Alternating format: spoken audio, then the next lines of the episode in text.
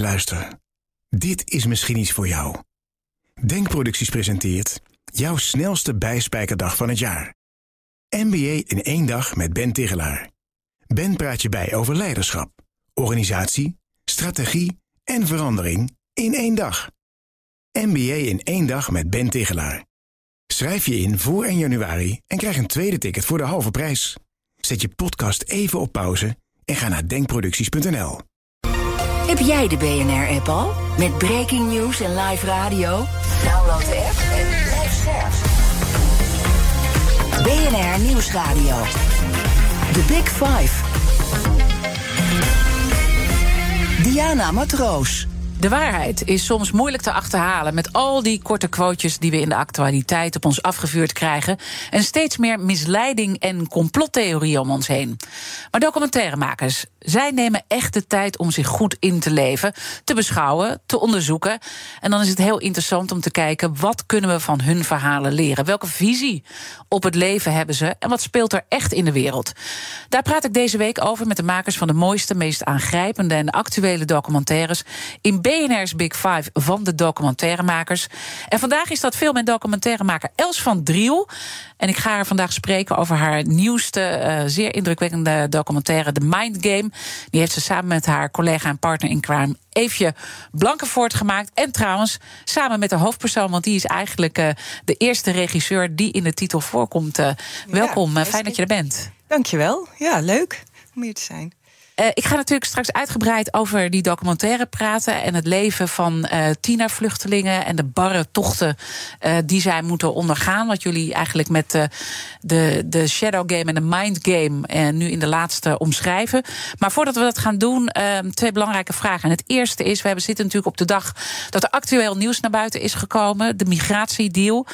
de EU-landen zijn het eens geworden over een scherper asielbeleid. Ja. Met jullie film, die al wat eerder uitgekomen is deden jullie juist een aanklacht tegen een falend asielbeleid. Ja. Is dit een verbetering? Um, nou, nee.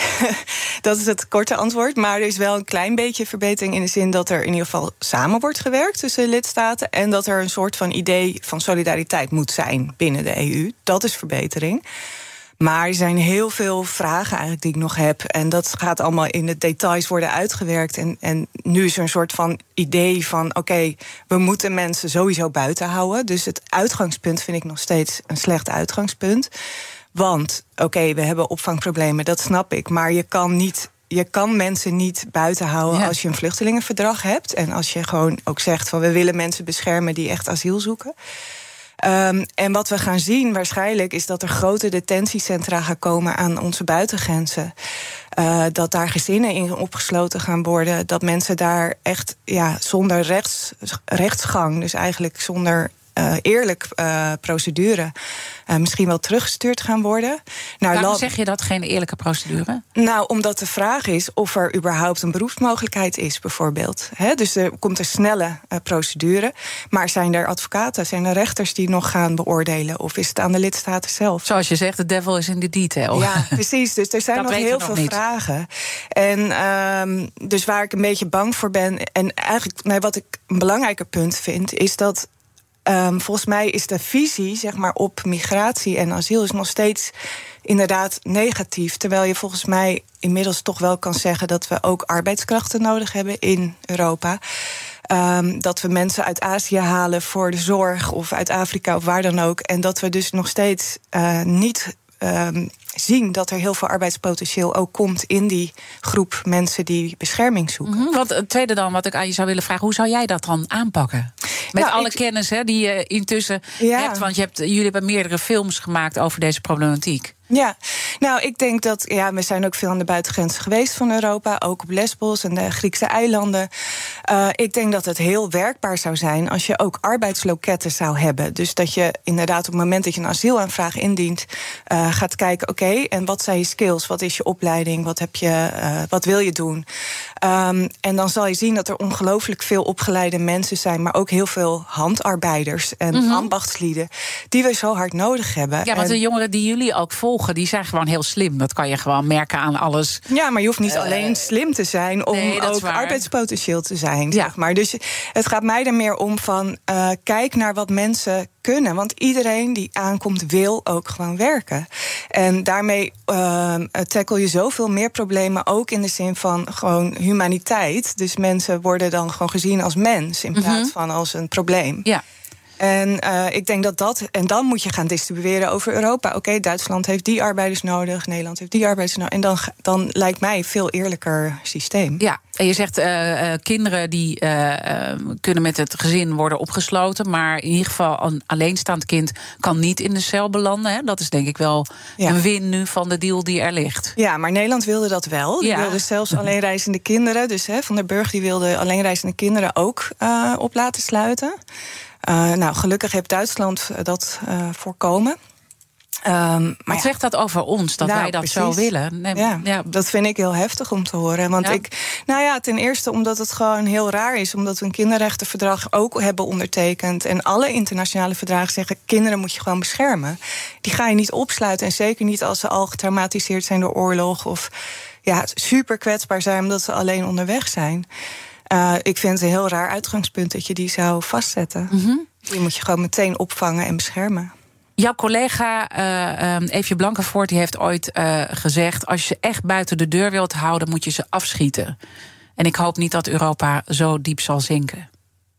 Moet ik reageren op wat zij zegt?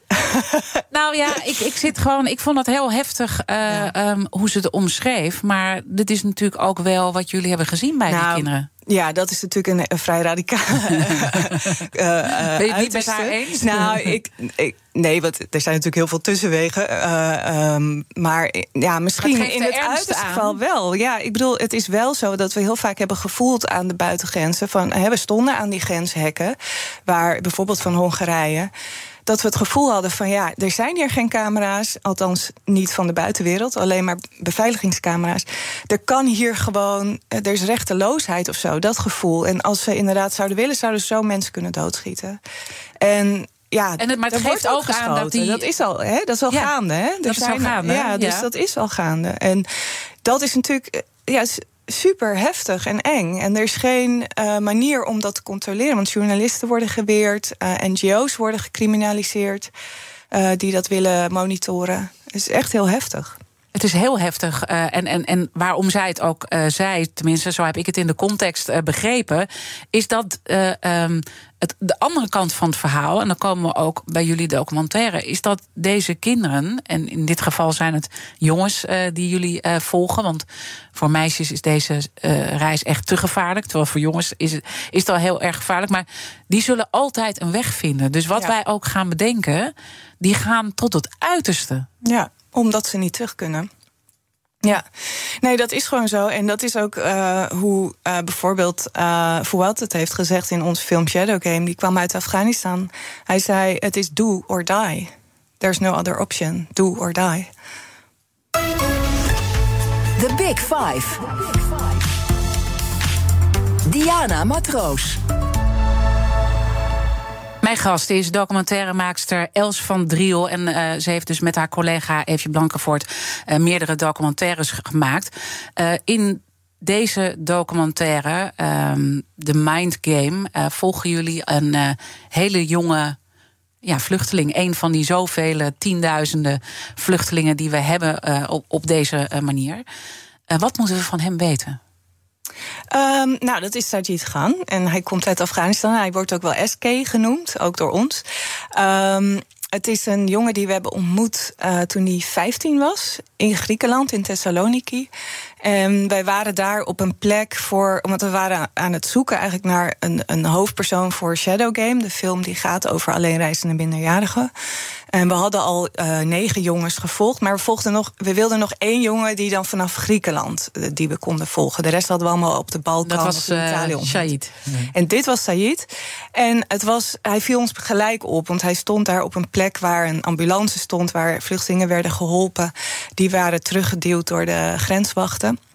En uh, die ontzettend veel hadden gelopen, dus hun voeten lagen open en zo. En hij was daar aan het vertalen, want hij sprak heel goed Engels. En het was ook nog eens een hele knappe jongen. En hij was heel. Uh, ja, sterk en, en voorkomend. En hij maakte goed contact met ons. We konden natuurlijk direct met hem communiceren door de taal.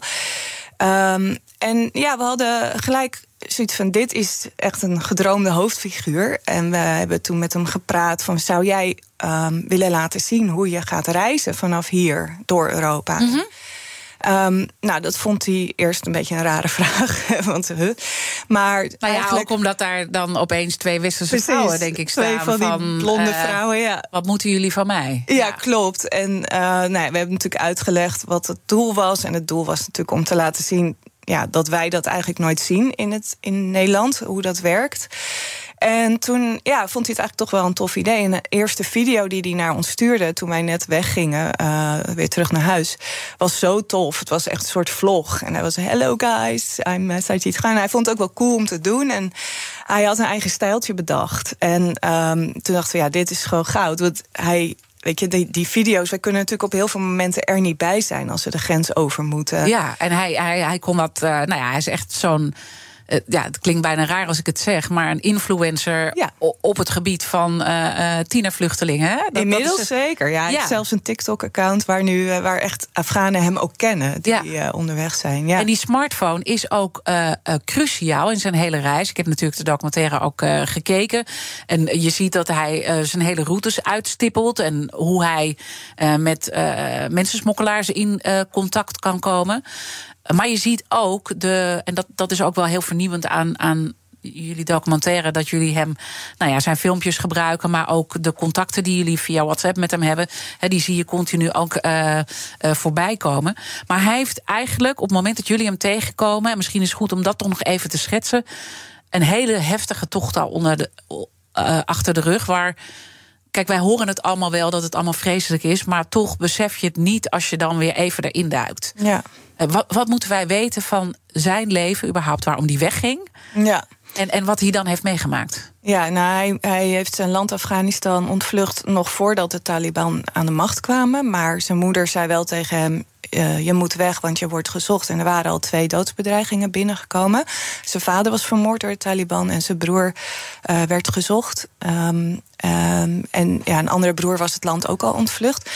Um, dus het was duidelijk dat hij weg moest. En hij was 15. En zijn, zijn moeder heeft eigenlijk dus haar drie zonen uh, ja, ja, verloren vond, en haar man. Ik vond dit dus een vreselijk moment. Dat hij dus ook vertelde dat zijn moeder huilend voor hem stond ja. met een tasje. Je moet nu gaan. Je moet nu gaan, ja. En hij was nog nooit ergens alleen verder geweest. Ja, behalve in de stad en in Afghanistan, maar nog nooit in het buitenland natuurlijk. En ja, toen is hij gegaan. En Um, hij wist echt niet wat hem overkwam. Maar hij dacht, ik moet naar Europa en daar wordt het allemaal makkelijk. Um, maar dat was natuurlijk niet. Het was een, een, hele, hele gevaarlijke tocht. Alleen al door Iran en Turkije was heel heftig. Hij heeft heel veel mensen dood zien gaan onderweg in de bergen. Uh, smokkelaars die mensen achterlaten, ook al uh, liggen ze kreupel, bij wijze van spreken, in, op het pad. Mm -hmm. En daarom um, zegt hij ook van je moet continu eigenlijk niet slapen. Want ja, je moet alert moet zijn. Alert zijn. Ja. Uh, uh, omdat op het moment dat zo'n smokkelaar uh, uh, jou mee wil nemen, dan gaat hij niet heel erg zijn best doen. Nee, nee, je, moet, uh, je moet bijblijven. En het, um, dus je bent volop adrenaline, vol mm -hmm. adrenaline. En hij liet ons ook een stuk meelopen in het tempo wat hij normaal loopt met zo'n smokkelaar, met een groep. Ja. Nou, wij liepen dus met, met geluid en de camera erachteraan. Nou, ik kon het gewoon echt niet heel lang bijhouden. Het was zo snel en uh, gewoon bergopwaarts. En je moet echt in goede condities zijn. Dus dat verklaarde ook wel meteen waardoor ik, ik dacht van ja, dit houdt een, een, een niet getraind iemand gewoon niet vol. En een mm -hmm. meisje misschien ook niet. Mm -hmm. Je moet echt wel een beetje sterk zijn. Um, ja, en dan ben je in uh, Griekenland. Nou ja, daar was hij ook al meerdere malen teruggedeeld door de Grieken. Uh, over de Evros-rivier vanuit Turkije. Um, uh, maar eigenlijk dacht hij: oké, ik ben nu in Europa, nu gaat het wel makkelijker worden. En hoeven we nog maar een paar landen en dan ben ik in Italië. Daar zat zijn broer, dus daar wilde hij graag heen. Nou ja, dat was, dat was niet, want hij was vanaf dat moment nog twee jaar onderweg. Bijna. Ja, twee jaar onderweg. Ja. Dus, dus, daarvoor was hij al een jaar onderweg. Ja. In totaal is hij dus drie jaar uh, onderweg uh, geweest. We gaan uh, straks horen hoe het met hem is afgelopen. Maar hij heeft echt de meest afschuwelijke dingen meegemaakt. Die, ik bedoel, ik vond dat. Nou, hij maakte natuurlijk ook vrienden onderweg. En ik vond vooral een vriend die hij fotografeerde. En dat fotootje gebruikten jullie in de documentaire, die je gewoon ziet met een, met een rug en, en billen en benen die gewoon helemaal vol zitten met, met wonden van. Van het slaan, ja, slaan, van, van martelingen. Ja, Echt zoals je vroeger in de slaventijd zag. Dat, dat is het beeld wat je uh, daar ziet. En wie zijn die mensen die dat doen? Ja, dat zijn in dit geval waar dat de Kroatische grenswachten. En dat was ook uh, zeker in die tijd, 2019. Kroatië, hè? ik bedoel, hier gaan we lekker op vakantie. Klopt, ja. ja ze, berucht uh, grensbeleid aan de Kroatische grens. Want dat is de laatste grens voordat je in de EU bent eigenlijk. Dus um, met hulp van uh, Europa, dus Europees geld, ons belastinggeld, worden mensen daar teruggeslagen en gemarteld. Um, en ook kinderen. Het is ook echt niet, niet, niet. Ja, ik bedoel, we weten het, maar als je dan gewoon weer even in verdiept, dan denk je: ja. hoe is dit mogelijk? Nee, dat, was ook echt heel heftig om te zien. En de eerste die we daarover spraken was in 2018. Toen kwam het een beetje naar buiten. En mm -hmm. dat was Sami, een, een andere jongen, uh, ook een kind. En die had het uh, gefilmd. Dus die liet het ons zien op zijn smartphone. En we hoorden, of ja, het was donker. Want dat gebeurt natuurlijk in, in de bosjes, ergens in donker. Uh, maar we hoorden het gekerm van vluchtelingen. En ook we zagen hoe ze uit die bosjes helemaal bebloed kwamen. En toen dachten we, wow, dit is echt helemaal mis. Uh, en mensen weten dit gewoon niet. Mm -hmm. En zo is eigenlijk um, ja, ook een, een, enorme woede bij ons ontstaan... van we moeten mm -hmm. dit verhaal gaan brengen en nou ja, we moeten het documenteren. En, en, en los daarvan zijn jullie ook met een campagne uh, begonnen... Ja. Uh, wijzend ook op gewoon onze, ons juridisch systeem. Want we hebben hier gewoon afspraken over. Dat is het ernstige. En dat is die artikel 22. Ja, nou ja, kijk, in het artikel 22 van het kinderrechtenverdrag zegt je moet kinderen beschermen die op de vlucht zijn. Punt. Maar we hebben natuurlijk vluchtelingenverdragen. We hebben allerlei ook anti-folteringsverdragen. Uh, allerlei uh, internationale verdragen die zeggen dat je mensen die uh, bescherming zoeken, mag je sowieso niet terugduwen. Moet je de kans geven om asiel aan te vragen en het recht op een, een fatsoenlijke procedure. Um, ja, dat je mensen martelt aan de grenzen, dat mag gewoon niet. Nee. En dat weten we allemaal. En het rare is dat we zo hypocriet zijn dat we zeggen: ja, we willen. On, Europa is een waardegemeenschap. Uh, en we wijzen altijd economisch. naar andere Precies, landen. Naar China, weet ik wat, Qatar, ja. Maar uh, we verdedigen die waarden door mensen. Uh, uh, kapot knuppelen. Dus dat is uh, iets heel bizars. Ja, wat, wat, wat, heb je dan over ons geleerd als mensen? Want dit gaat ook over. Ik bedoel, ja. en wat dat, dat vind ik. Ik merk dat ik deze week best wel. Uh, toch wel heftig vind om te maken. Omdat jullie maken allemaal verhalen. Hè, als ook belangrijke verhalen. Maar over moedige mensen. En ook dit zijn weer moedige kinderen. Ja.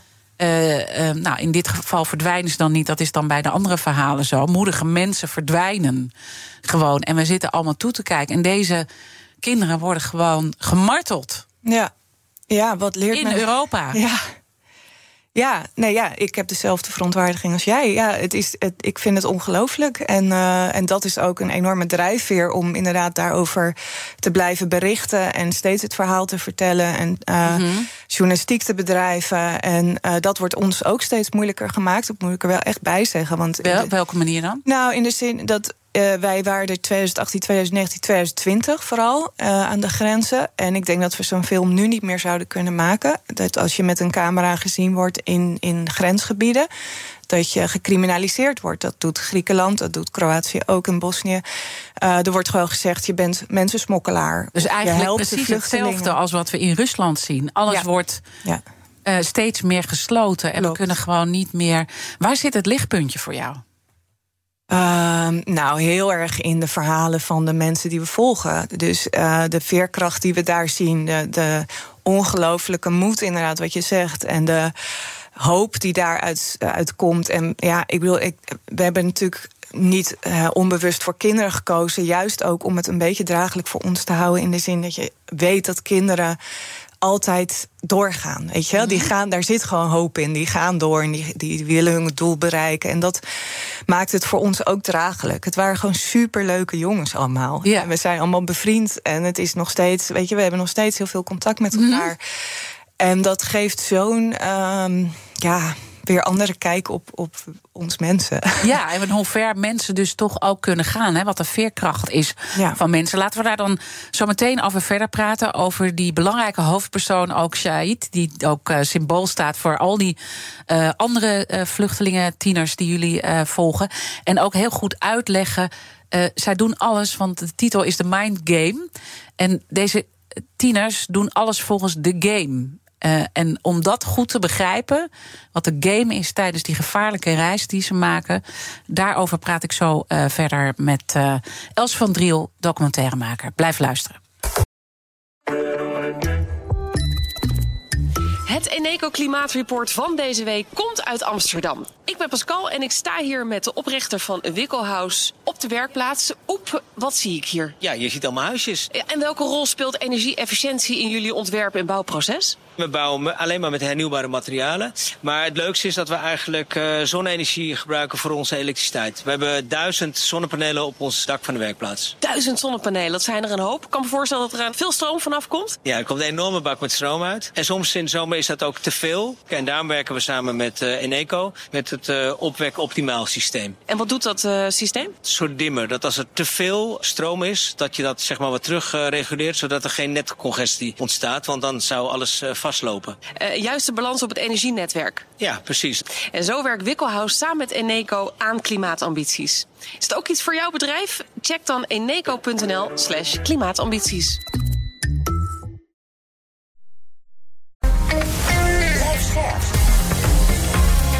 BNR Nieuwsradio. The Big Five. Diana Matroos. Welkom bij het tweede halfuur. Deze week praat ik met vijf prominente documentairemakers over hun werk en de drijfveren daarachter. En er kwamen al prachtige uh, verhalen voorbij van uh, Ruben Terlouw over de ja, een heftige verhalen moet ik ook zeggen over de strafkampen in uh, China.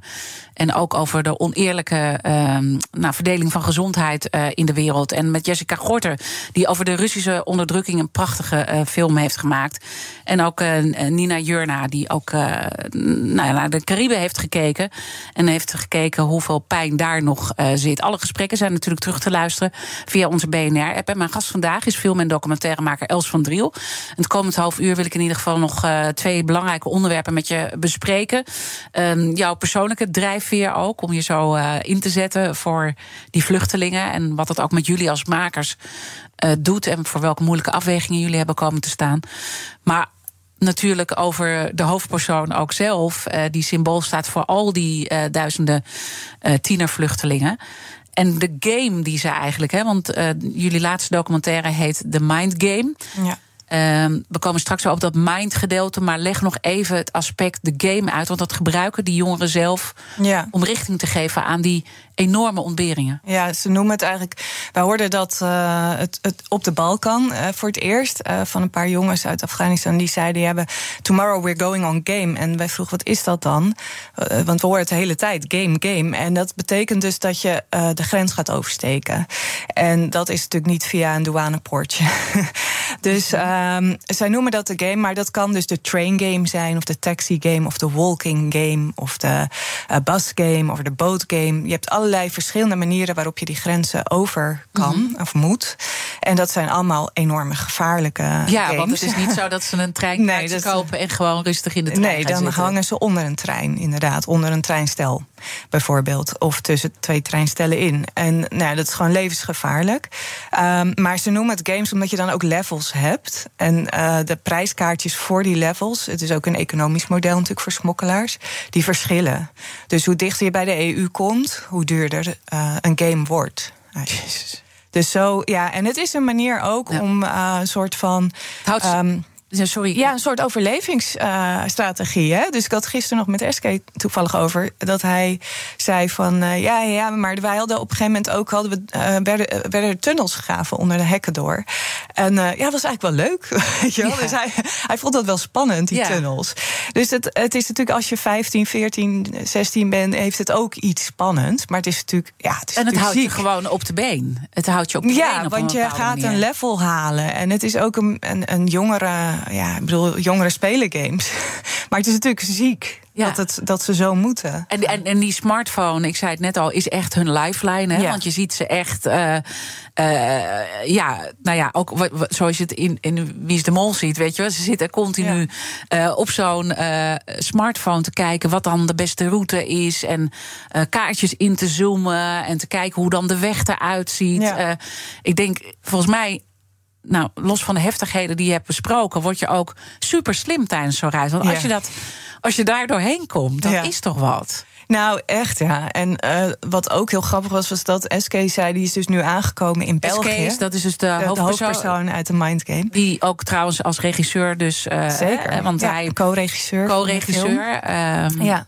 ja, die is dus nu in België aangekomen. En hij zei, ja, door die reis heb ik echt zo... ehm, ja, een probleem met autoriteit gekregen. Dus eh, alle autoriteiten die ik ben tegengekomen onderweg... die blaften tegen me, of schreeuwden tegen me, of sloegen.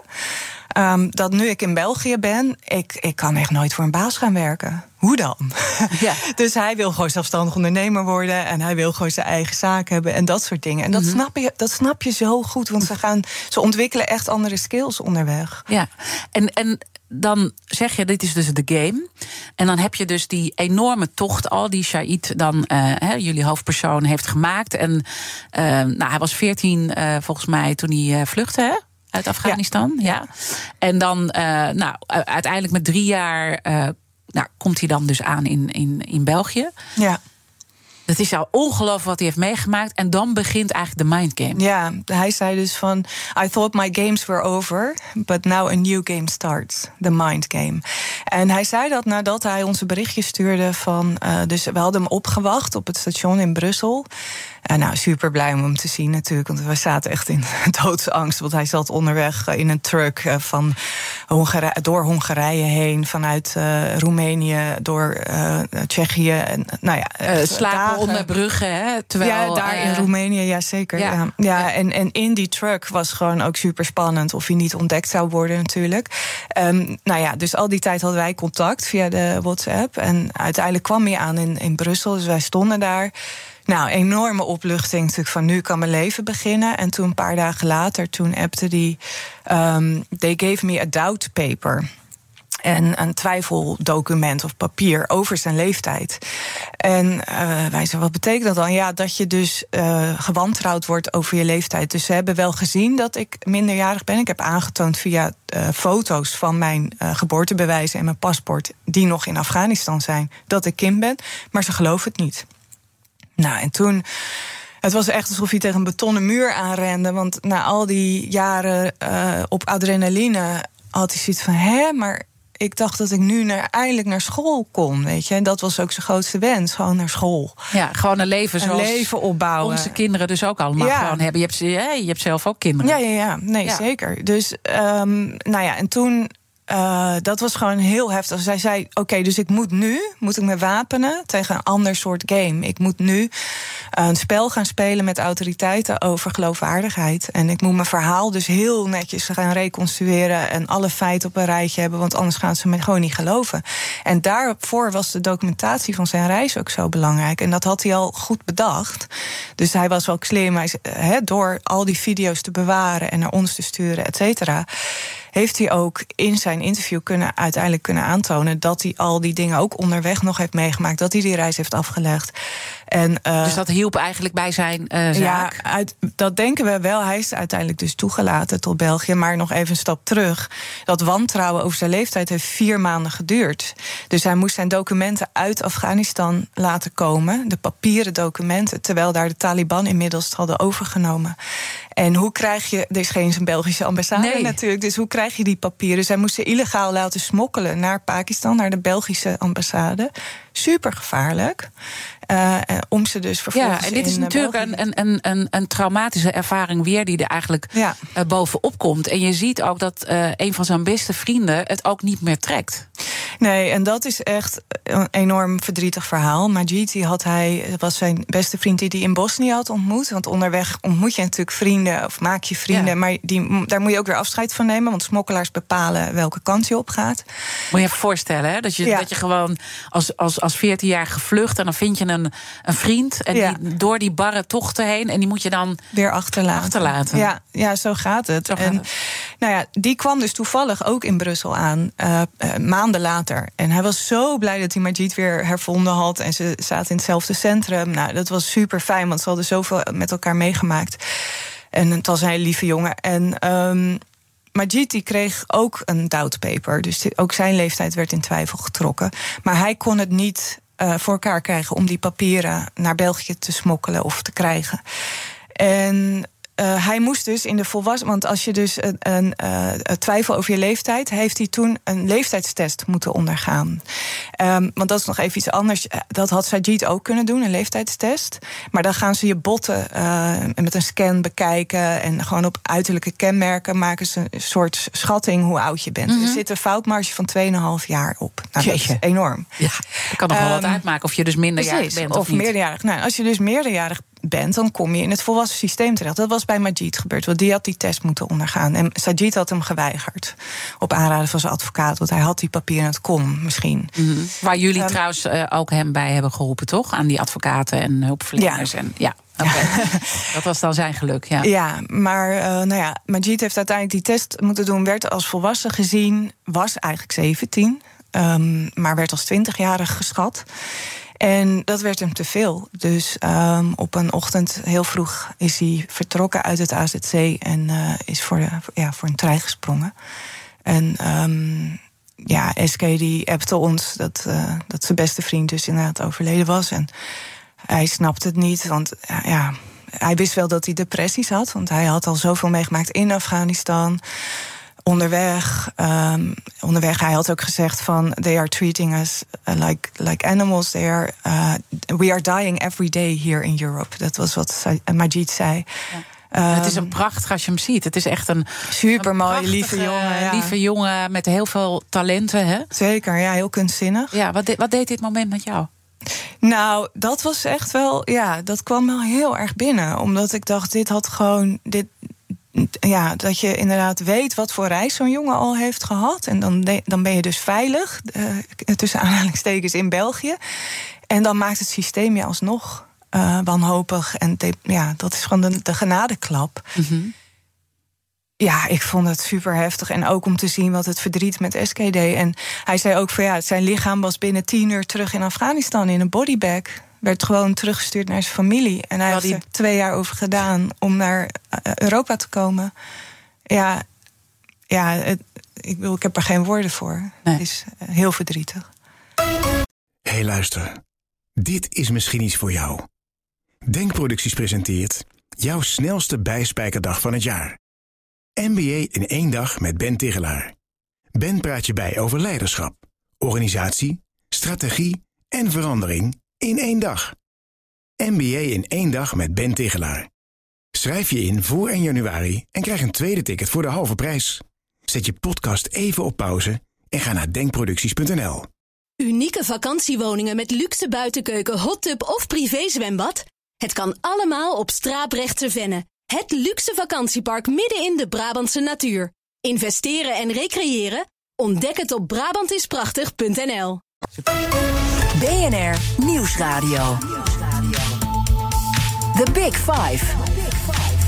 Diana Matroos. Je luistert naar BNR's Big Five van de documentairemakers. Mijn gast vandaag is film- en documentairemaker Els uh, van Driel. En uh, mijn gasten stellen elkaar vragen via de kettingvraag. Oh ja. En uh, ja, die, die hebben we nog. En in de vorige aflevering had ik een mooi gesprek met Marije Meerman. Zij is maker van de documentaire serie Planet Finance. En nou ja, zij liet ons eigenlijk een inkijkje in de, de, de nou ja, nare kant van de financiële wereld. Terwijl er natuurlijk ook goede kanten zijn van de financiële wereld. Mm. Maar wel inzichtelijk maakte zij ook die, die, die negatieve kanten. En zij had deze vraag voor jou. Mijn vraag aan haar zou zijn, en dan even, um, ze zijn filmmaker, um, ze zijn uh, maar ik voel ook dat ze activist zijn. Ze zijn mensenrechtenadvocaat. Ze zijn eigenlijk ook pleegmoeder voor uh, die jongens die uh, eigenlijk de vlucht naar Europa als een game zien. Hoe, hoe breng je al die rollen bij elkaar? Ja. Ja, mooi dat ze dat zo, uh, zo ziet of uit de film haalt. Um, uh, ja, um, kijk, Evie en ik kennen elkaar al heel lang. We zijn al 20, meer dan twintig jaar bevriend. Uh, het is niet voor niets dat we dit samen doen. We wisten van tevoren, dit is. Ik bedoel, we deden al meer dingen op, op het gebied van migratie en asiel, andere docu documentaires samengemaakt, maar we wisten, dit wordt heel zwaar. Um, dus we hebben heel veel steun aan elkaar. Um, uh, zowel in uh, elkaar opzwepen en uh, dingen escaleren om nog meer, bo nog bozer of nog meer impact te willen maken mm -hmm. met het verhaal. als ook in delen van verdriet of zorgen. Um, maar ja, dit was wel uh, next level, zeg maar. We hebben wel echt heel veel slapeloze nachten gehad om de jongens, en, en zeker ook SK, die onderweg was. Um, maar ja, en we hebben altijd ons machteloos ook gevoeld. En dat was zo vervelend, want je, zeker toen de Oekraïnse ja, vluchtelingenstroom zeg maar, op gang kwam, toen was het echt van sorry, maar mensen mogen mensen gewoon uh, Oekraïnse mensen ophalen aan de grenzen en dan gewoon veilig naar Nederland halen, mm -hmm. brengen met een auto. Hoe vaak hebben wij niet gedacht we zetten SK in onze auto en rijden terug? En dat mag niet. Want dan, dat is mensensmokkel. Dat is, dat is mensensmokkel. Als je een Afghaan meeneemt, dan is het mensensmokkel. Is het illegaal, word je twintig jaar in de gevangenis gezet. En als je een Oekraïner ophaalt, dan mag het wel. En dat heeft ons zo ja, gefrustreerd van hoe vaak we niet gedacht hebben: we, we, we, we kunnen hem zo in onze auto zetten. Weet ja. je? Maar waarom moet deze jongen op deze manier zoveel gevaren uh, eerst doormaken? Nou ja, en met alle gevolgen van dien ook. Want uh, nu, uh, dit zijn ook allemaal tieners uiteindelijk die dan, als ze het redden. Je hebt net dat afschuwelijke verhaal verteld van zijn vriend. Maar ze hebben ook vreselijke trauma's. Dus ja. al die tijd, ik bedoel je vraagt je bijna af: um, ja, is het de moeite waard? Wat is wat de moeite waard? Dat ze die enorme, en het klinkt heel cruel hoe ik het zeg, maar als je dus ziet hoeveel trauma's ze hebben als ze hier aankomen, is hun leven echt beter ja, geworden ja. door, de, door, door die door die reis te maken. Nou, het is natuurlijk totaal onnodig, die trauma's. Laten we dat vaststellen. Ik wil, als je, dat, als je gewoon mensen of kinderen eerlijk uh, zou verdelen over Europa, dus meteen vanuit Griekenland of Italië of Spanje zou uh, reloceren en verdelen, dan kunnen ze gewoon op het vliegtuig. Dat lijkt me gewoon de makkelijkste en meest eerlijke oplossing. Uh, nu worden ze inderdaad getraumatiseerd. Um, en het is een godswonder dat alle jongens die wij kennen en uh, die aangekomen zijn in land van bestemming, niet alleen Nederland, maar ook België, Duitsland, Frankrijk, dat die het allemaal supergoed doen. Ja. En uh, dus inderdaad enorm verkrachtig zijn, naar school gaan, hard werken. Maar ook zegt hij, jullie hoofdpersoon, van ik kan me niet concentreren op school. Hè? Dat, dat, Precies, dat, dat ja. heeft hij dan een gesprek. En dan zegt hij, ja, ik moet aan mijn moeder denken, die ik al die tijd uh, niet heb gezien. Ik kan niet goed slapen. Ja, um, maar dat is omdat hij nog in een AZC woont. Ja. En nu heeft hij een eigen woning, nu gaat het veel beter. Ja. Nu slaapt hij ook goed. Ja. Dus de omstandigheden, en daarom is die leeftijdstest ook zo belangrijk. Als je dus als volwassene wordt geregistreerd en binnenkomt, dan zit je in de volwassenenprocedure. Daar, daar worden mensen gewoon die rotten weg, die kwijnen weg op hun kamertjes, die mogen niet werken, die studeren niks. Terwijl die kinderen, die jonge mensen, die willen allemaal naar school, die willen gewoon beide, die willen zich ontwikkelen. Ja. En, Um, ja, hoe we daar dus nu mee omgaan, dat is heel frustrerend. Maar om terug te komen op haar vraag. Ja, we hebben dus heel erg ons machteloos gevoeld. Maar wat we hebben kunnen doen, dat hebben we ook wel gedaan. Dus we hebben inderdaad uh, SK ook ja, geholpen om de juiste mensen op zijn pad tegen te komen. die hem dan verder konden helpen. Dus Zoals zo'n advocaat. Een hè, advocaat in België. Die staat. En uh, je ja. ziet hem ook best wel uh, wat dingen kopen onderweg. Dat, ik, dat, je, dat je dan denkt: huh, waar komt dat geld vandaan? Is dat ook wat jullie hem dan. Nee, we hebben hem niet per se geld gegeven. Als in, ik bedoel, alle vluchtelingen hebben in principe geld vanuit leningen. Of er, wordt, er is natuurlijk een enorme economie, want je moet wel. Het is gewoon heel duur om op reis te gaan. Ja. Maar waar komt dan um, initieel dat geld vandaan? Is dat toch vanuit. Vanuit familie. Vanuit familie, ja. die dan toch uh, ja, de hoop hebben om eentje dan te redden? Ja, of wel moeten, ja. Want anders was hij vermoord in, ja. in Afghanistan. Ja, en dan en, uh, hebben ze dan ook een soort hoop dat, dat uh, Shahid dan hun weer kan helpen? Is dat het um, systeem ook wat erachter zit? Natuurlijk, ja. Ik bedoel, want iedereen is in nood in Afghanistan. Dus, zoals we weten, hè, er is natuurlijk heel veel armoede op dit moment, economische sancties. Um, dus uh, Sayid had inderdaad zeker die druk toen hij aankwam: van ik moet nu iets terug doen voor mijn familie. En hij heeft uiteindelijk dat ook kunnen doen uh, door zijn familie te helpen uh, veilig naar Pakistan te kunnen. Mm -hmm. Dus die zijn nu ook veilig. Ja. Ik zit gewoon in dit hele He, op de dag ook van de migratiedeal, waarvan we dus ook hebben nou ja, vastgesteld, er zijn nog heel veel details uh, onduidelijk. En nou, de kinderrechtenverdragen uh, die we hebben, waar jij ook nu met jouw collega ook de Europarlementariërs op aanspreekt. Maar dat verdwijnt dan ook in een la, denk ik. Nou, dat weet ik niet. Ja, we zijn uiteindelijk hebben echt een grote campagne gehad hè, rondom Shadow Game ook. En nu ook weer, uh, en die heet Bescherm kinderen op de vlucht. Dus mensen kunnen manifest ondertekenen als ze dat, hè, ook luisteraars nu, um, op uh, change.org of via onze website shadowgame.eu. Um, waarin we aandacht vragen voor de rechten van kinderen die op de vlucht zijn. En inderdaad dat ze veilig moeten uh, kunnen asiel aanvragen. Um, die hebben we uiteindelijk aangeboden al in het Europees Parlement met meer dan 40.000 handtekeningen uit heel Europa. En we gaan door. Uh, want uh, we willen blijven agenderen. Want het inderdaad, voor je het weet, kijken we weer weg. En dan uh, sneeuwt het weer onder. Ja, en, dan en de dilemma's weer... zijn ook zo groot. Hè? Want er kunnen natuurlijk niet ongebreideld mensen hier. Um, gaan opvangen. Dat, dat is ook het dilemma, nee, denk ik, waar klopt. jij zelf ook mee worstelt. Ja, natuurlijk. Het is super ingewikkeld. En tegelijkertijd denk ik, ja, uh, we hebben hier woningnood en we hebben allemaal onze eigen problemen. En dat heeft ieder land. Um, maar ook dat, daar zit ook beleid achter. En ik denk dat de woningnood ergens ook een gevolg is van neoliberaal beleid. Um, dus uh, misschien moeten we gewoon allemaal heel anders gaan denken. En ja. veel meer als migratie als een gegeven zien. En natuurlijk kan je niet de grenzen openen voor iedereen. En je zal een soort grensbeleid moeten hebben. Mm -hmm.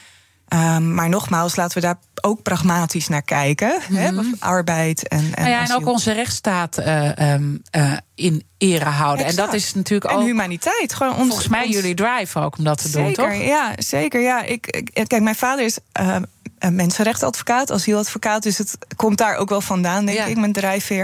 Ik heb natuurlijk altijd geleerd van die rechten zijn er omdat we anders. Ja, ik bedoel, we moeten een moreel eikpunt hebben als mensheid. En uh, nu is het een race to the bottom.